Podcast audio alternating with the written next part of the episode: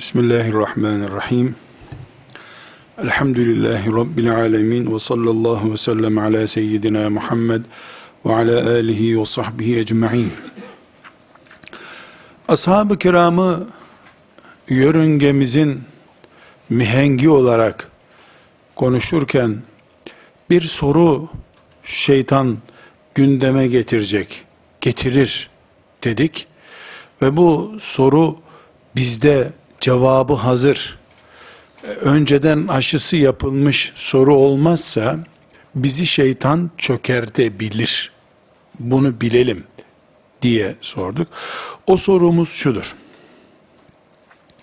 Sokakta üç kişi beş kişi kavga edip tartışabilirler. Dövüşebilirler. Birbirini bıçaklayabilirler. Sıradan Müslümanlar da bunu yapabilirler. Ama peygamber görmüş, haklarında Kur'an inmiş insanlar nasıl birbirleriyle kavga edebilirler, tartışabilirler. Hatta birbirlerinin düşündüğü dışında şeyler nasıl düşünebilirler? Sorumuz bu. Yani ashab-ı kiram niye ihtilaf ettiler? Farklı farklı niye oldular? Bir peygamberin elinden çıkmış talebeler olarak tek ses niye olamadılar diye sorarsak bunun cevabı çok nettir kardeşler. Ashab-ı kiram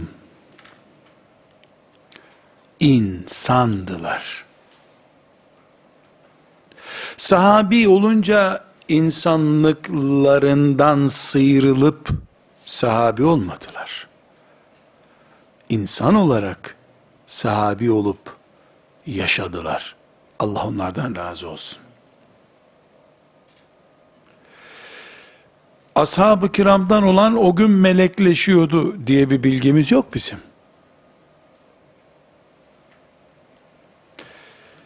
İnsan ise farklı kudretler ve idraklerle yaratılmıştır. Hiçbir insanın idraki ve kudreti öbür insanla aynı değildir. İnsanların fiziki kiloları aynı olabilir. 20 tane insandan 5'i 80 kilo, 3'ü 78 kilo olabilir. İdrak, kavrayış kapasiteleri aynı değildir. Farklı farklıdır. İnsanların farklı kapasitelerle, farklı idraklerle yaratıldığı bir ortamda standart düşünceli bir toplum oluşamaz. Standart imanlı bir toplum oluşabilir. O da ashab-ı kiram toplumudur. Hayatı yaşarken farklılıklar ashab-ı kiramda da diğer nesillerde de normaldir. Bunu Kur'an-ı Kerim'den iki ayette çok açık görüyoruz. Birincisi Hud suresinin 118 ve 119. ayeti. İkincisi de Yunus suresinin 19. ayetidir. Bu ayetler ashab-ı kirama inmiş ayetlerdir. Yani ashab-ı kiramın herkesten önce duyduğu ayetlerdir bunlar. Bu ayetlerde Allahu Teala çok açık ve seçik bir şekilde farklı düşüncelerin farklı idraklerin ve farklı reflekslerin olmasını kendisinin dilediğini söylüyor. Ayeti dinleyelim. Hud suresindeki ayete bakalım. Euzu billahi mineşşeytanirracim. Bismillahirrahmanirrahim. وَلَوْ شَاءَ رَبُّكَ وَلَوْ شَاءَ رَبُّكَ Rabbin isteseydi leca'alen nase insanları yapardı ümmeten vahideten tek bir kalıp yapardı. Ve la yezalune muhtelifin illa men rahime rabbuk. Rabbinin dilediği dışında da tartışıp durmazlardı. Ve lidâlike. Allah onları böyle bir şey için yarattı. Rabbin dileseydi, ayetin topluca görüyoruz, Rabbin dileseydi insanları tek kalıp yaratırdı. Demek ki dilememiş Allah. Mantığına döneceğiz bunun. Yunus suresinin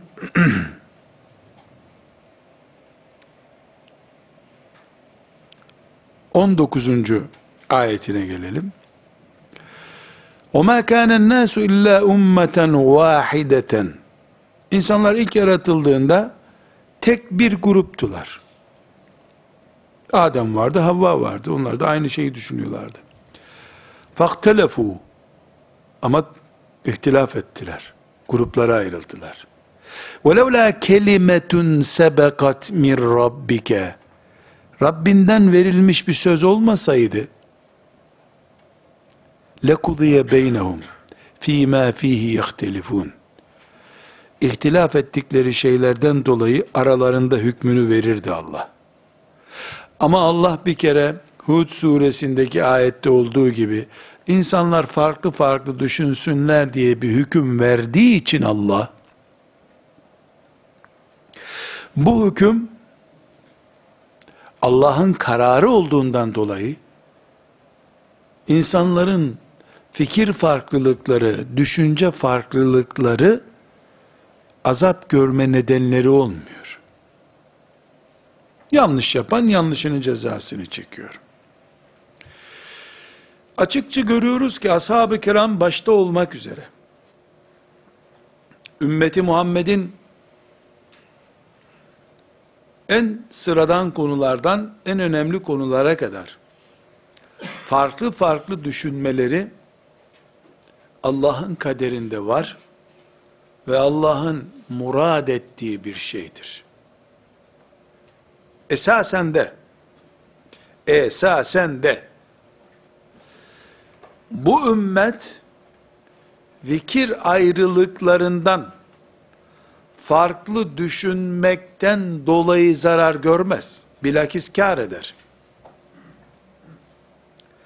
Haddi bilmemek, nerede durulacağını bilmemektir ümmetin zarar gördüğü şey. Farklı düşünmek gerekli. Ashab-ı kiram örneğine dönersek, Resulullah sallallahu aleyhi ve sellem Efendimiz varken de bu cümlem çok önemli. Resulullah sallallahu aleyhi ve sellem Efendimiz varken yani sağ iken de o vefat ettikten sonra da ashab-ı kiram aralarında tartıştılar.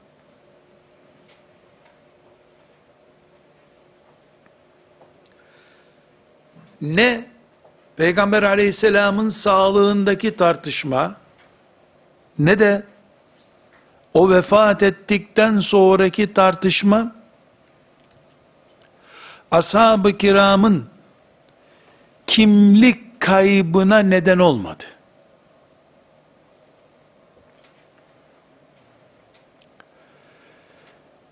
Dünya hayatını insan psikolojisi ve toplum sosyolojisi perspektiflerinden görebilenler anlarlar ki yüzlerce sene kıyamete kadar devam etmesi istenen bir dinin aktif olarak bütün insanlığın ihtiyacına cevap vermesi için en baştan volkan gibi tartışmalı bir ortamda yola çıkması gerekirdi. Barajda üretilen erkek milyonla elektrik barajda üretildiğinde elektrik milyonlarca kilowatt gücünde olacak ki kilometrelerce öteye gittiğinde zaten kaybedecek gücünden orada motor çevirecek kadar gücü kalsın. Burada kardeşlerim, zor anlaşılacak ama anlaşılması gereken bir hakikat konuşuyoruz. Nedir o?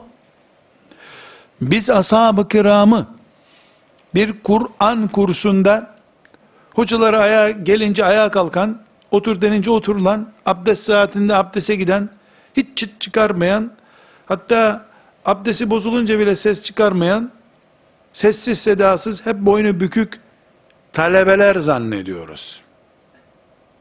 Ashab-ı kiram hiç böyle olmadılar. Ya Resulallah deyip ayağa kalktılar. Ben diyorum ki dediler, hür iradeli, gür yürekli insanlar olarak Resulullah'ın önünde oturdular. Edepleriyle. Resulullah sallallahu aleyhi ve sellem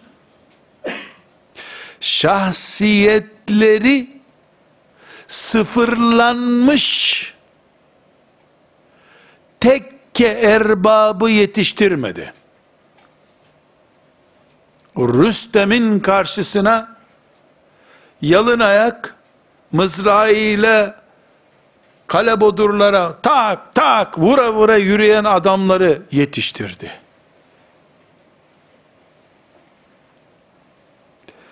Şahsiyeti ezilmiş insanlar nesil yetiştiremezlerdi yoksa. Resulullah sallallahu aleyhi ve sellemin önüne çıkıp para ver bana ya Resulallah. Allah sana verdi sen de bana ver. Diyen adamlar şu büyük Resulullah'ın ashabı dediğimiz adamlardı. Vay ahlakı kıt herif benden para istersin ha. Vay seni kalbinde münafıklık olan adam demedi Efendimiz sallallahu aleyhi ve sellem. Yarın Kisra'nın sarayını develere yükleyip gelirken çalmamaları için içindeki para hırsını Resulullah'ın önünde bile konuşturttu onlara.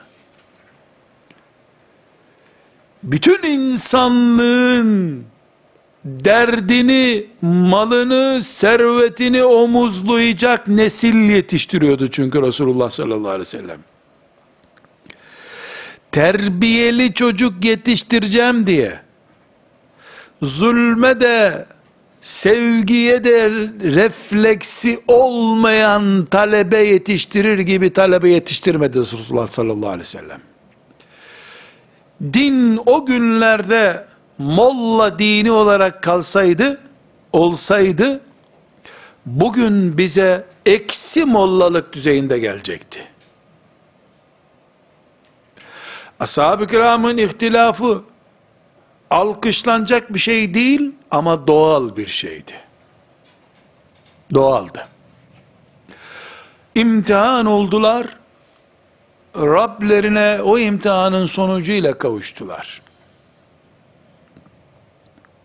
Bunun için ashab-ı kiramın Allah onlardan razı olsun. İhtilaf etmelerini alkışlayıp takdir edip maşallah ne güzel ihtilaf edip kavga ettiler diyecek halimiz yok.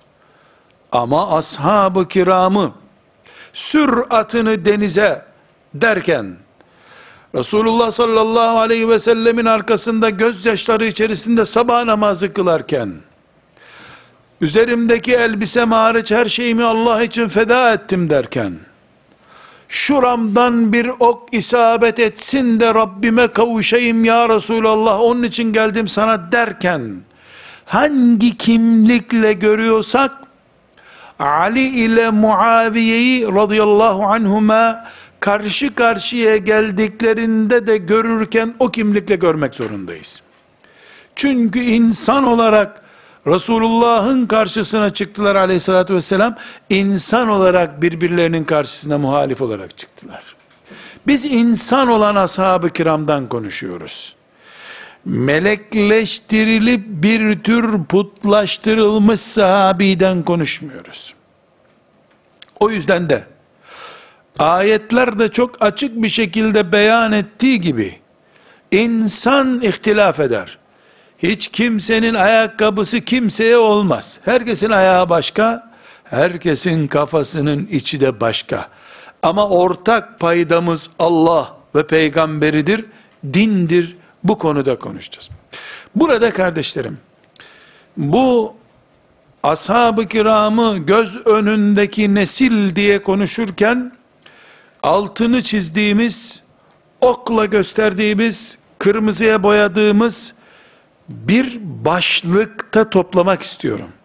Biz ashabın sosyal kimliğini ve Resulullah sallallahu aleyhi ve sellem'den sonra bugün bize de in, sonuçları açısından intikal eden tartışmalarını konuşuyoruz. Ashab tartıştılar, dövüştüler, birbirlerine mızrak kaldırdılar. Doğru, ayrıntılarına gireceğiz, bu doğru. Ama adı soyadı kadar garanti bilmelidir mümin. Ashab-ı kiram akidevi konularda hiç tartışmadılar. Birbirlerine kafir hiç demediler. Hiç ama. 120 bin sahabiden hiçbiri öbürüne sen tevessüle inanmıyorsun, ehli sünnetin dışındasın demediler. Sen filanca mezheptensin, filanca tarikata girdin demediler birbirlerinin cennetiyle asla oynamadılar. Asla tek bir kelime yoktur. Birbirlerinin kıymetini asla tankis etmediler. Ali radıyallahu anh ile Muaviye radıyallahu anh bir seneye yakın savaştılar. Sonunda belli bir sulh sağlandı ve birilerinin başka üçüncü bir tarafın hainliğiyle Allah'ın arslanı Ali şehit edildi. Bildiğimiz olay bu. Onunla bir yıl savaşan Muaviye evinde ağladı. Karısı dedi ki ona, öldürmek için uğraşıyordun adamı geçen, şimdi ağlıyorsun. Ne, ne demek oluyor bu? diye merak etmiş karısı. Dönmüş karısına demiş ki be kadın sen Ebu Talib'in oğlu Ali öldü zannediyorsun. İlim öldü ilim ağlamayayım da ne yapayım demiş. İdealleri ve kalite arayışları için birbirleriyle dövüştüler. Fakat kanun kadar kat'i bir şeyi yazınız arkadaşlar ashab-ı kiram akide konusunda ihtilaf etmediler. İmanlarında bir ihtilaf olmadı. Amel konularında, siyaset konularında, ameli konuların tercihinde tartıştılar, ihtilaf ettiler, aralarında sorun oldu. Birbirlerini küfürle itham etmediler. Cehennemliksin dediler, sapıksın dediler, duyulmadı hiç. Böyle bir söz duyulmadı. Ama elimden gelse seni kırbaçlarım dediler. Tercih meselesi. Niye? Filanca işi niye böyle yapıyorsun diye. Birbirlerinin cennetine şahitlik ettiler. Birbirlerinin cehenneminin şahidi olmadılar hiçbir zaman. Dolayısıyla arkadaşlarım, bu göz önündeki nesil başlığıyla şu dersi yapışımızın temel nedeni bizim aramızdaki insanlar olarak Müslümanlar olarak aramızdaki tartışmalarda şeytan bizi tuzağa düşürüp ashab-ı kiramda tartışmışlardı. Ee, biz de onların izinden gidiyoruz zaten. Diyoruz ya, Bu tuzağın en ucundaki halkası bu. Ashab-ı kiramda tartıştılar, vuruştular, savaştılar. Birbirlerini cehenneme sokmak için değil ama. Dolayısıyla üç tane dosya kadar bir kitap okuyup ondan sonra filanca cehennemliktir, filanca İslam'dan çıkmıştır, filanca ehli sünnet değildir, filanca şu yoldan değildir demek ashab-ı kirama ait bir iş değildir. Ashab-ı kiram gerekiyorsa kılıcını tuttu, kabzasını yakaladı kılıcının, vururum bunu kafana dedi öbürüne, ama sen kafirsin demedi. Cehennemliksin demedi. Zındıksın demedi. Sen İsrail ajanısın, Yahudilerin ajanısın içimizde demedi kimse kimseye. Dolayısıyla ashab-ı kiramın tartışması bir sınırın içinde nedir o sınır? İmanla ilgili olmayan konuların sınırıdır. Bu onların yüksek enerjili çalışma metotlarından kaynaklandı. Bize göre hiç taviz sayılmayacak şeyler onlara göre büyük taviz sayıldığı için fedakarlık yapmadılar o konularda. Elbette şeytan onların içine de fitne soktu. Ama Muaviye örneğinde olduğu gibi radıyallahu anh hakikati asla inkar etmediler. Gerçek gerçektir dediler. Allah hepsinden razı olsun. Şimdi 15 başlık altında ashab-ı kiramın bu pencereden nasıl izlenmesi gerektiğini izah etmeye çalışacağım kardeşlerim. Neyi konuşuyoruz? Ashab-ı kiramın faziletlerini, o Bedir'deki kahramanlıklarını, ya Resulallah seni görmesem çatlayacağım diyen sevgilerini, onu konuşmuyoruz. Biliyoruz onları zaten elhamdülillah. İtiraf ediyoruz ve inşallah onlara olan muhabbetimiz biiznillah şefaatlerine vesile olur diye herkes sevdiğiyle beraber olacağı için biz de inşallah kıyından kırpından onlarla beraber oluruz diye umuyoruz. Ama bugün ashab-ı kiramın önümüzde duran nesil olmalarına rağmen bize etki etmiyormuş gibi bir sahneyle karşılaşmışlığımız var. Onu toparlamak istiyoruz. Önümüzde duran bu nesil bizim gözümüzden nasıl görülmeli bunu konuşmak istiyoruz. 15 madde ele alacağız kardeşler. Size tavsiyem bu maddeleri kalem kalem yazarsanız biiznillahü teala 15 cilt kitap okumuş olursunuz. Notlarınızı değerlendirirsiniz. Siz daha geliştirir, daha ilerletirsiniz. Daha güzel sonuçlara ulaşırsınız. Ama hepimiz inşallah Havz-ı Kevser'de ashab-ı kiramla ve Resulullah ile buluşup bugünleri tatlı bir hatıra olarak yad ederiz inşallah.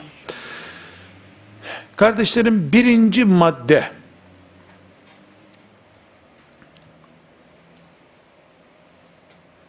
ashab-ı kiram insanlığın genelde özelde de Müslümanların imtihan maddesidir.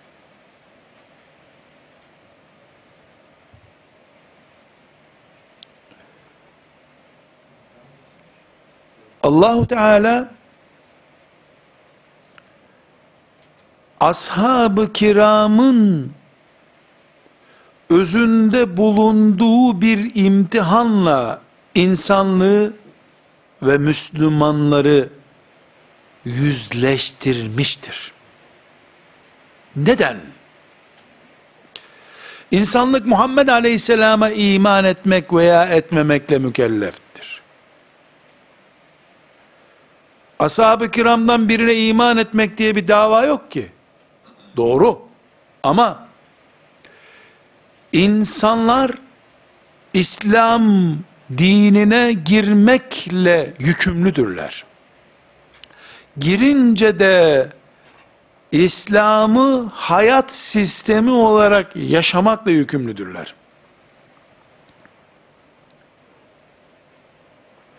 Bu nedenle biz İslam'ı aramak için çıktığımız yolda gidebileceğimiz son durak Medine'de ashab-ı kiramın durağıdır.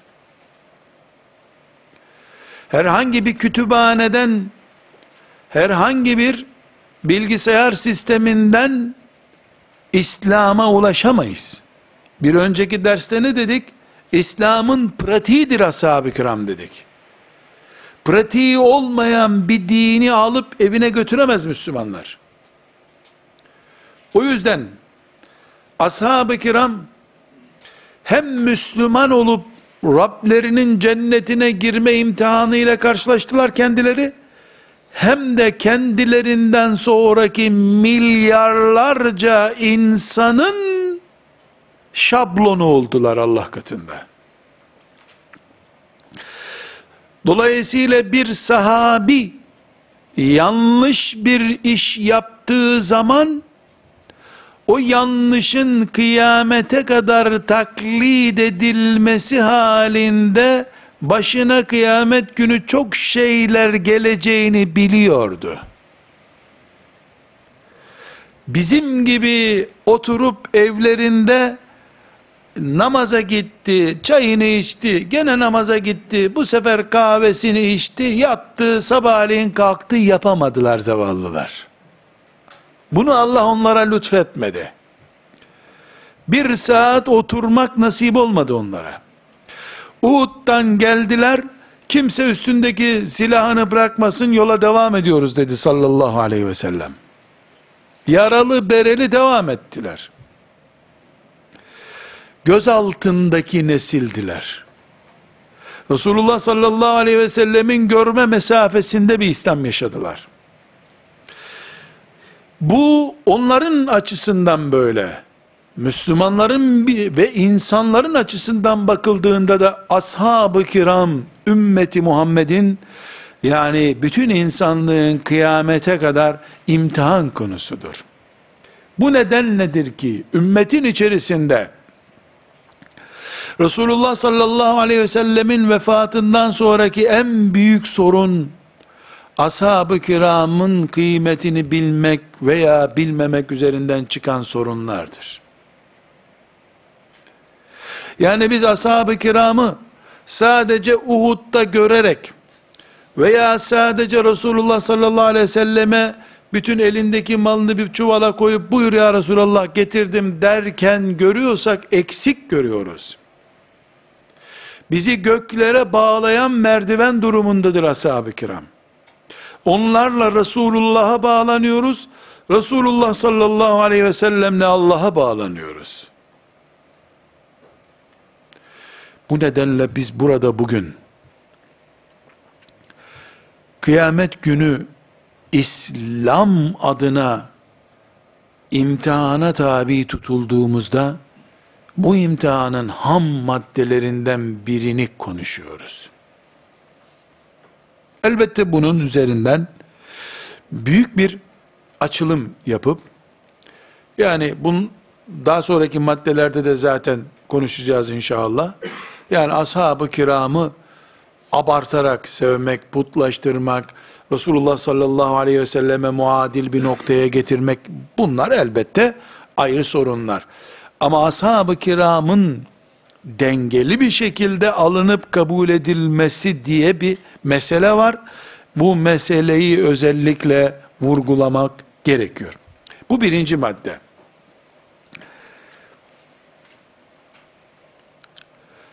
İkinci maddemiz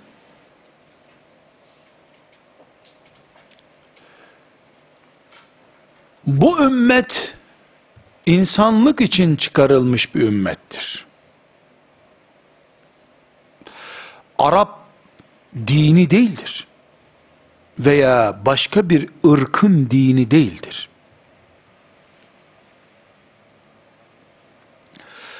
Eğer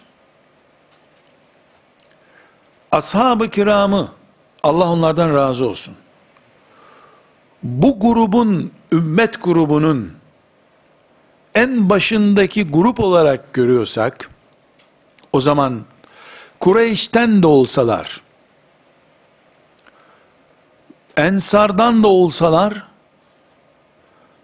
ashab-ı kiram, Arapların değildir. İnsanlığın önderidirler. Yani ashab-ı kiramı insanlığın değeri olarak kabul etmemiz gerekiyor. Bunun sonucu da şudur. Eğer ashab-ı kiramı biz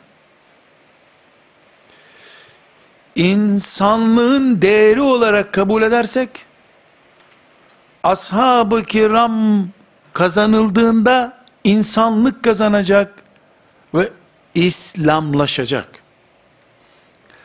Ashab-ı kiramı insanlık kapsamından indirip Araplık veya sadece Arap Yarımadası'ndaki o dönemin Müslümanları düzeyine indirirsek bu sefer onlar İslam'ın önünde durdukları için İslam insanlığı kuşatacak çapa ulaşamayacaktır hiçbir zaman. Şimdi derin konulara girmek istemiyorum. Ama örnek de vermem gerekiyor. Filan konuda mesela karı koca ilişkilerinde, aile ilişkilerinde ashab-ı kiram ne yaptılar? Aileyi şöyle bir denge üzerine kurdular. Kureyş'ten biri veya Medine'den, Evs'ten, Hazreç'ten birisi karısıyla böyle bir hayat yaşadı. Evi şöyle kurdular. Genelleme yapıyorum. Yani maddelendirmiyorum. Biz kalkıp o dönemdeki Arap kültürü böyleydi. Karısıyla şöyle konuştu, kocasıyla böyle konuştu dersek Allah'ın tezkiye ettiği yani peygamberin görme alanında oldukları halde bu yanlıştır diye peygamberin ikaz etmediği bir mantığı. Arap kültürüydü o. Dersek İslam'ın şeriatını da onların üzerinden kurduğu halde Allah biz bu Arap işte Araplar karısına böyle yapardı. Araplar kocasına böyle derdi. Araplar o dönemde çocuğu şöyle giydirirlerdi dersek eğer evrensel bütün insanlığa hitap eden bir dini nereden oluşturabiliriz? Ve bu bizi zamanla Arap olduğu için Resulullah sallallahu aleyhi ve sellem Kureyş'ten olduğu için o da insanlığa yetmeyecek noktasına götürür.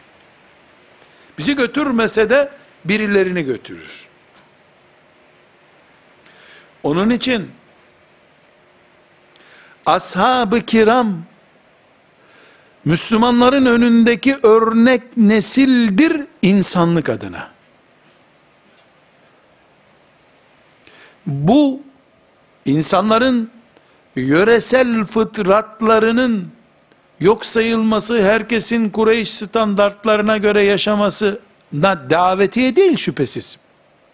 Ama Allah'ın şeriatı olarak önümüze koyduğu ve nihayetinde Kureyş'ten olan veya Evs'ten, Hazreç'ten olan Arap dediğimiz soydan olan ashab-ı kiramla şekillenmiş aile düzeni İslam'dır. Allah'ın kâffeten linnas bütün insanlık için örnek gösterdiği şeydir.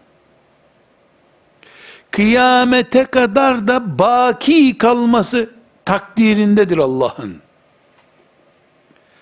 Nasıl biz o zaman Araplara ait bir kültür diyeceğiz?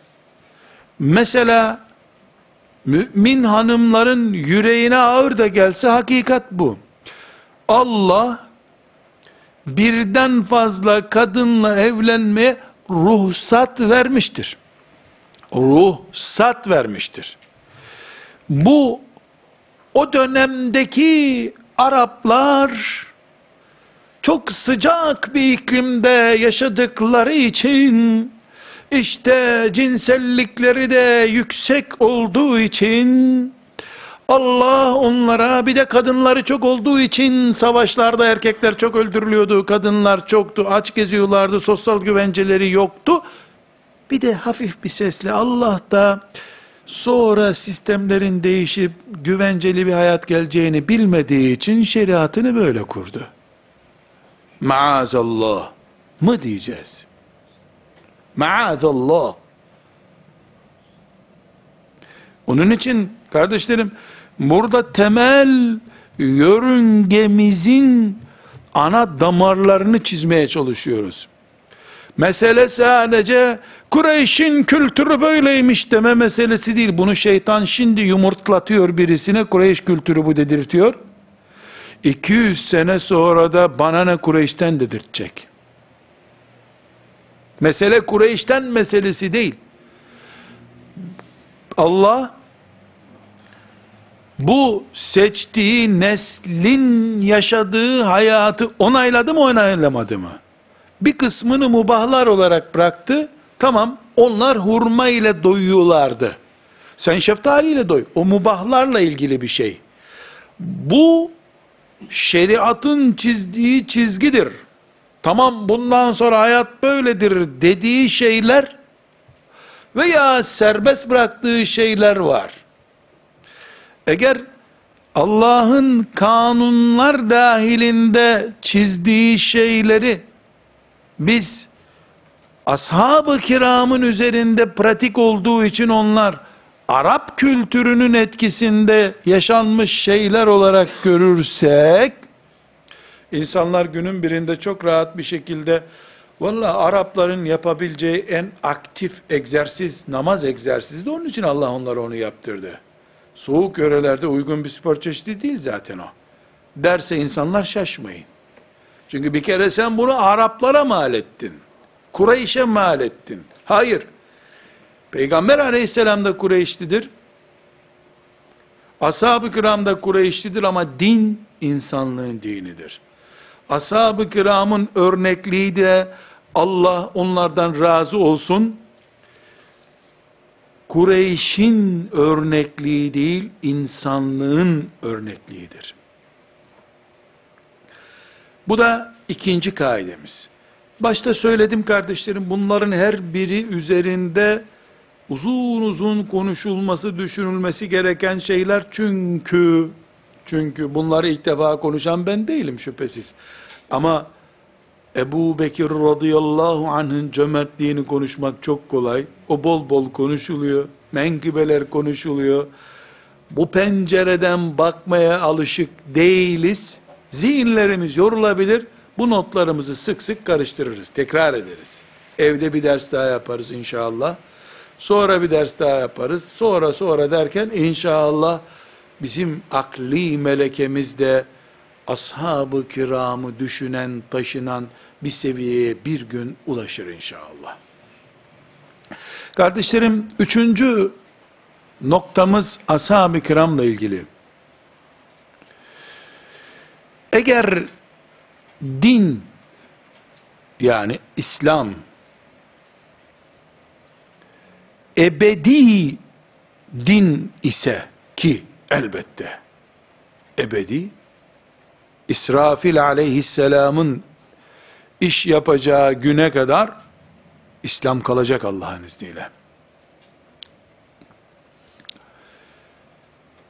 Sahabilik çerçevesi, şu bahsettiğimiz çerçevede İslam'ın ebediliğini oluşturan değerlerden biridir. İslam ebedi ise ki ebedidir. Bahsettiğimiz ashab mantığı şu ashab-ı kiramla ilgili tefekkürümüz de ebedi olmalıdır. Günün birinde ashab-ı kiramla ilgili tefekkürümüzde sarsılma olamaz. Olursa İslam anlayışımızda sarsılma oldu demektir. Neden? Neden? Çünkü biz Kur'an'ı ashab-ı kiram üzerinden anlıyoruz. Onlar nakletti, anlayışımızı da onlar sınırladı. Sünneti yani Resulullah sallallahu aleyhi ve sellem Efendimiz'i onlar bize tanıttılar. Kur'an ve sünnet taşıyıcı köprüsü onlar. İki, dinin namazından, kısasından, cihadına kadar her şeyini ilk uygulayanlar ve uygulamalarına onay alanlar Allah'tan onlardır. Üç, yüzlerce konuda, yüzlerce konuda, ashab-ı kiram, Kur'an'da ve sünnette olmayan belli yüzlerce konularda içtihatlar yapmışlardır. Yani görüş belirtmişlerdir. O içtihatları bugüne kadar din olarak gelmiştir bize. En basit örneği, en basit örneği, en basit diyorum ama farz değil, vacip değil örneği teravih namazıdır. Milyarlarca belki yüzlerce milyarlarca kere teravih namazı kılındı 1400 senedir. Uygulama tarzı itibariyle ashab-ı kirama ait bir şey bu. Camilerde kıldığımız teravihler. Resulullah sallallahu aleyhi ve sellem döneminde yaygın olarak bu şekilde teravih kılınmadı. Ashabın icma ile kılındı. Ashab-ı kiramı çektiğiniz zaman geri çeker çekmez ashab-ı kiramı en basit örneği veriyorum teravih namazı dağılır gider. Farzlarda, vaciplerde, aramlarda, devlet yapısında yüzlerce örnek var. Ayrı bir konu. Hepimizin bildiği bir örnek olarak sadece teravih namazını konuşuyoruz. Bunun için diyoruz ki, İslam ebedi dindir. İslam'ın altyapısını, ayakta durduğu direkleri oluşturan e, yapılardan biri de sahabi yapısıdır. Allah böyle murad etmiştir. Ashab-ı kiram İslam'ın ebediliğinin teminatındandır. Üçüncü maddemiz bu.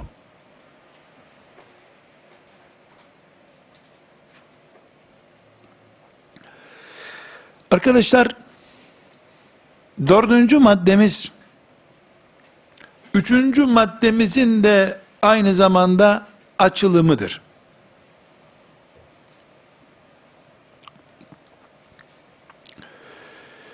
Ashab-ı kiram, İslam'ın sigortasıdır.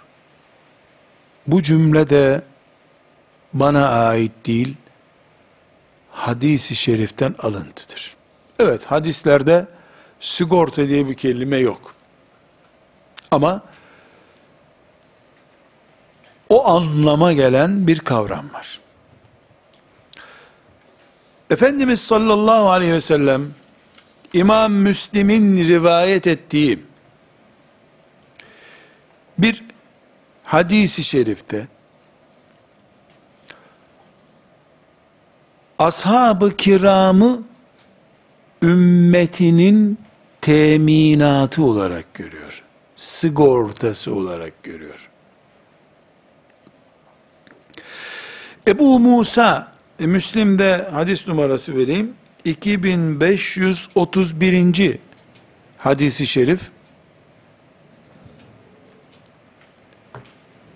Müslim'in hadisi şerifi. Dolayısıyla sahih diye bir sorunumuz yok. Ebu Musa el-Eş'ari radıyallahu anh'ten rivayet ediyoruz. Diyor ki, bir gün akşam namazını Resulullah sallallahu aleyhi ve sellemle kılmıştık. O çıktı. Biz dedik ki, oturalım, yatsıyı bekleyelim, yatsıyı da kılar, evlerimize öyle gideriz dedik bir grup. Mescitte oturuyorduk. Resulullah sallallahu aleyhi ve sellem çıktı geldi.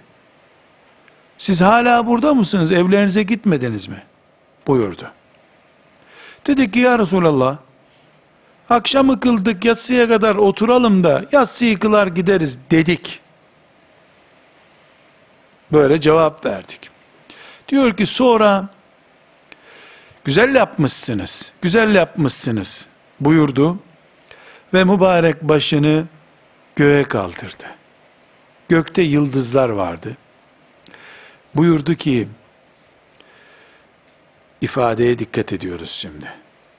Şu gökteki yıldızlar göklerin güvencesidir. Ben göklerin güvencesidir. Yıldızlar dağıldı mı gökler çöker. Ben de ashabımın güvencesiyim. Ben gidersem ashabımın başına çok şey gelir. Ashabım da ümmetimin güvencesidir. Ümmetim, ashabım gitti mi, ümmetimin başına çok şey gelir. Buyurmuş. Müslim'in bu hadisinden arkadaşlar, ne anlaşılıyor? Alim olmak gerekiyor mu bu hadisten bir hüküm çıkarmak için? Yıldızların dağılması ne demek? Gökyüzünde bir ahenk var. Yıldızın biri orada, öbürü orada, şu kadar sayıda yıldız var gökyüzünde, parlatıyorlar gökyüzü. Bu ahenk bozulduğu zaman gökyüzü çöktü demektir. Bir gün bu ümmetin içerisinde ashabın değeri düşer, ashab koltuğundan geri çekilirse eğer, çok açık bir şekilde Efendimiz aleyhissalatu vesselam ikaz ediyor ki, ümmette perişan olacak.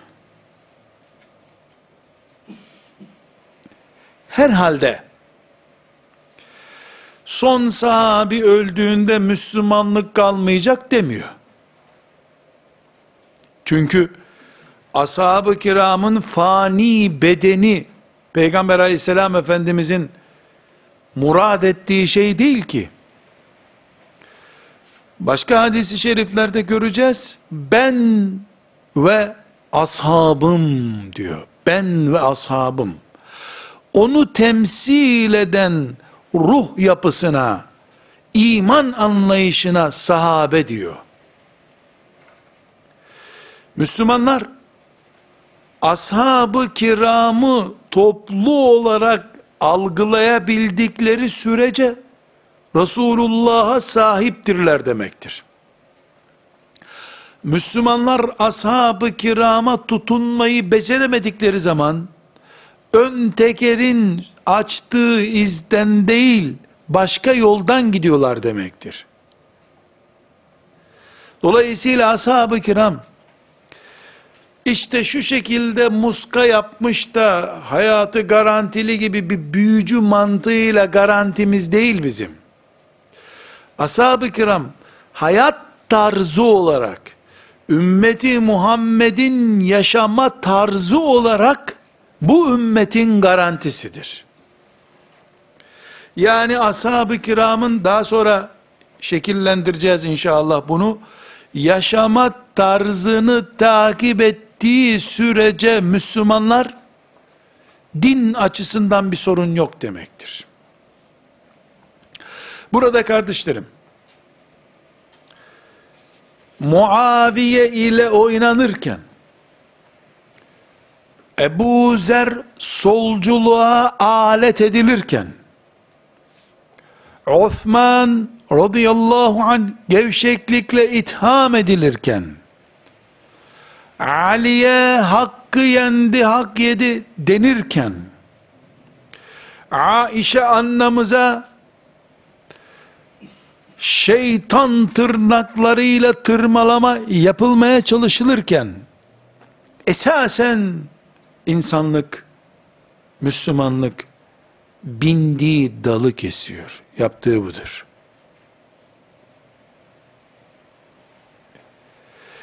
Ve bunu izlemekte sakınca görmeyen mümin de kendi bindiği dalı kesen öbür arkadaşına sessiz kalıyor.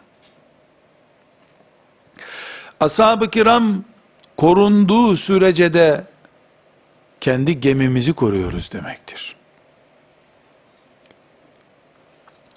Bu şuur ashab-ı kiramın Ali'sine, Muaviyesine, Ebu Bekir'ine değildir. Yani bir tanesini öne çıkarıp liderimizdir diye peşinden gitme sevdası değildir bu. Zira Resulullah sallallahu aleyhi ve selleme Cebrail aleyhisselamın getirdiği vahiy, din, şeriat, yaşam tarzı adını nasıl koyarsak koyalım. Allah'ın Cebrail'e, Cebrail'in Resulullah sallallahu aleyhi ve selleme verdiği emanet, ashab-ı kiramın bütününün taşıdığı yükün adıdır. Ashab-ı kiram bizim sevdamızdır. Sürdüğümüz izimizdir. Ama ashab-ı kiramdan bir kişi peygamber gibi peşinden gittiğimiz kişi hiçbir zaman değildir. Olmayacaktır da Allah'ın izniyle. O yüzden ashab-ı kiramın bütününe sahibiz. Bütününe sevdalıyız. Bütününün izini sürüyoruz. Ehli sünnet demek de Resulullah sallallahu aleyhi ve sellemin ashabının bütün olarak oluşturduğu idrak demektir. Yani sünnet Resulullah sallallahu aleyhi ve sellemin yaşam tarzıdır. Bir sahabi değil, bütün ashab-ı kiram o ölçünün ve kalıbın atıdır. Kaybolduğu zaman bu anlayış, ümmet çok şey kaybetmiş demektir. Bu çok şey inşallah ilk etapta iman değildir. Ama imanın da altı oyuldukça nihayetinde kendisinin kaybolma riski de yok değildir. Kardeşler 15 maddede ashab-ı kiramın bizim önümüzde duran ve zamanında göz önünde nesil oldukları için izinden gitmek mecburiyetinde olduğumuz nesil oluşlarını özetleyeceğiz dedik 15 maddede. İlk 4 maddeyi bu şekilde tespit ettik. Diğer maddeleri inşallah önümüzdeki derslerde devam edeceğiz. Ve sallallahu ve sellem ala seyyidina Muhammedin ve ala alihi ve sahbihi ecma'in velhamdülillahi rabbil alemin.